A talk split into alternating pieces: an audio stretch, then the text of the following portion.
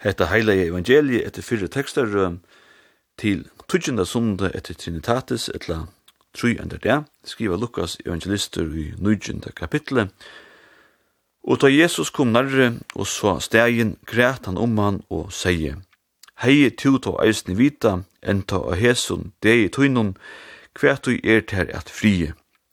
Men nu er ter fjallt fyr eion tuinun tog at bier skulle komme av til, tog i der tøyner skulle lea opp et virkje rundt om til, og kringsida til, og søkje at her ur ödlen atton, og tar skulle slatta til vi gjørna, og bøten tøyne ut her, og ikkje leta stein etter av stein ut her, at her søk, at du ikkje kjente vidjunar tøy tøyna.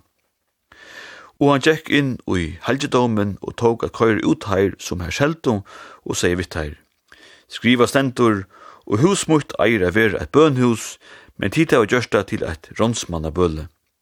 Og han lærte daglige og i helgedomnen, men høvesprestaner og henne skriftlærdom og der mætaste mennene av følsenen røynd å få han tikknan av døvun. Men der kunne ikkje finna ut hva der skulle gjera, til at alt følse hekk og pjunen og lytte av han.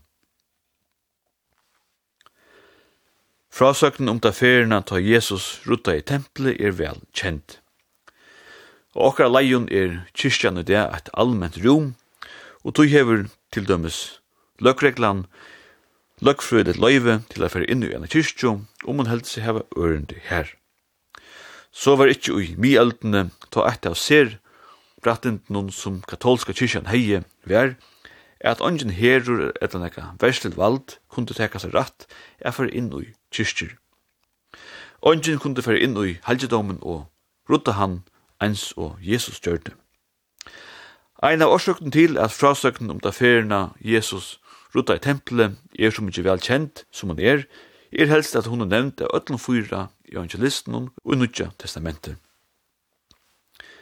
Frasøkten til Lukas, som er tekstur til morgen, er sin ørvise enn tertja til dømes Matteus og Marskuse tja.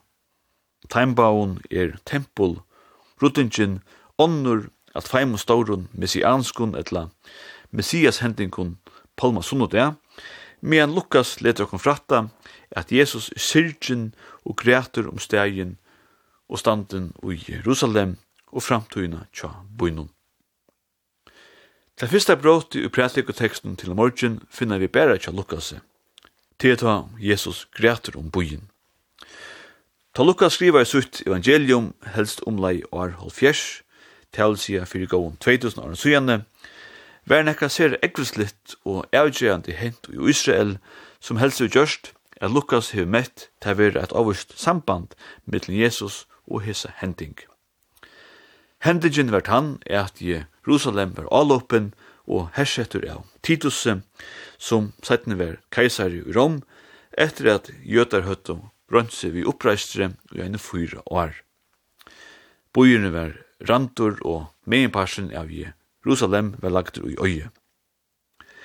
Beint åren Romverjar Luboa høttu jøtar ur öllum Israel leita seg sjål i bynum, handan huvar, tjukkar murar ui tutsikv, at hese murar får a vera en verja mot romverjun, og at tarra god omgandi for loiva at hansare heila i stavur for at fatla. Men langko da hersetingin byrja i døy jo flere av hesson jötun, ikkje bæra ui bardi av i romverjar, men eisne av innahusets åsemjun og av hunkurs nei. Og de som etter våro ta ui bojarporstene var bråten inn av romverjun, var anten selv som treller, etla ført til Rom, at han må sikrande herlinun tja tituse. Men det ringaste som kunde henta, hente ta templi i Jerusalem, som var sjálfur middeplen i Guds dyrskan tja jötun, var øylagt i Arnon halvfjers. Ta hei det ikkje steg liut bygd i meir enn seks år, tog jötar voru littner er bygget her i årenon fyr og trus. Håast er hildi at Titus helst hever givet bo om at templi ikkje skulde, og i lettjast så hendte etter korsene.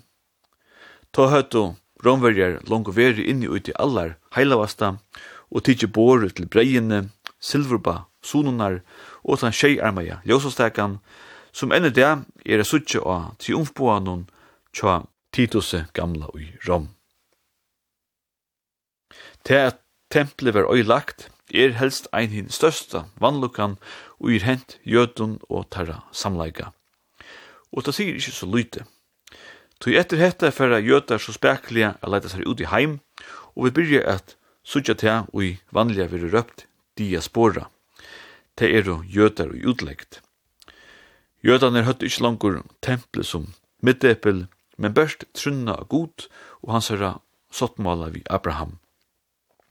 Så gjerne hava gjøtar kvarjar, postjer, bore fram, halsanna, nasta år i Israel og utan at bliva politiskur eller at ivertolka søvlige hendingar, meta summe at hetta var verleitje etter 60 krutsi i 1926 trus, ta israelskir hermen herstoku estur i Jerusalem, og her vi eisne sånenda gratemuren, som er det einasta og er etter av templen som var øylagt i åren halvfjers.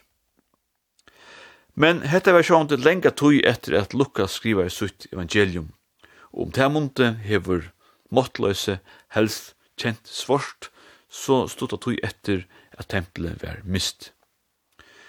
Tog er det hovedkjent at lesa Lukas, da han skriver at Jesus græt, da han sa bojen, og som en annar profetor tåsar om det, vannlagno og bojen skulle være fire. Bæra tvinnanda reiser lesa vi i Nudja Testamentet at Jesus græt og kvargaferina er det om seg sjálvan. Vi tar ikkje om at han græt da han var handtidsin etter skulle tekast av døvun. Hinvegin græt han om ånder. Han græt da i vineren Lazarus var deir, og i prætikoteksten morgen høyra vid at han græt ta i Jerusalem ikkje kjente sunna vidjunar tui.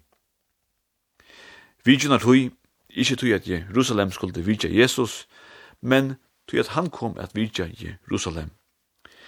Det er hetta som er særlig vi kristendomnum, at god valdi at gjest menneska, og at han kjem til okkara.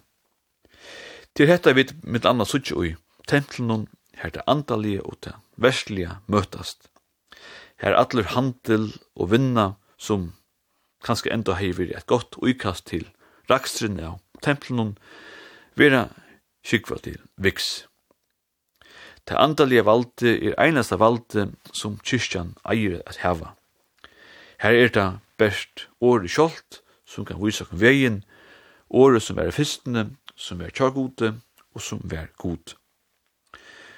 Tui er det at Jesus vi enn sitate fra kjenta kapitlet tja profeten Jeremias i Gamla Testamentet viser også at tempelet ikkje skal gjerast til et rånsmann av bøle, men skal være karmur om året Året som setter menneska og medmenneska i middeppelen, og som eisne forteller okken om, at han som ikkje greit om seg sjálvan, men som greit om sine medmenneska, eisne feltet tar hendan degin.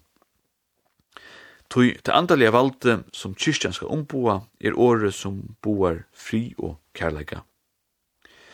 Gose vit så omsette hetta andalige valde og året om fri og nastra kærleika mittlen dei vestlige völdene, er så ein ånder søva. Vi enda kvöld vi tåna stikki ui sedur etter Nils V. Gate, Jakob Lo Brensen spelar av orguna ui Kristiansborg slotts kyrkje. Gåan, sunnu det.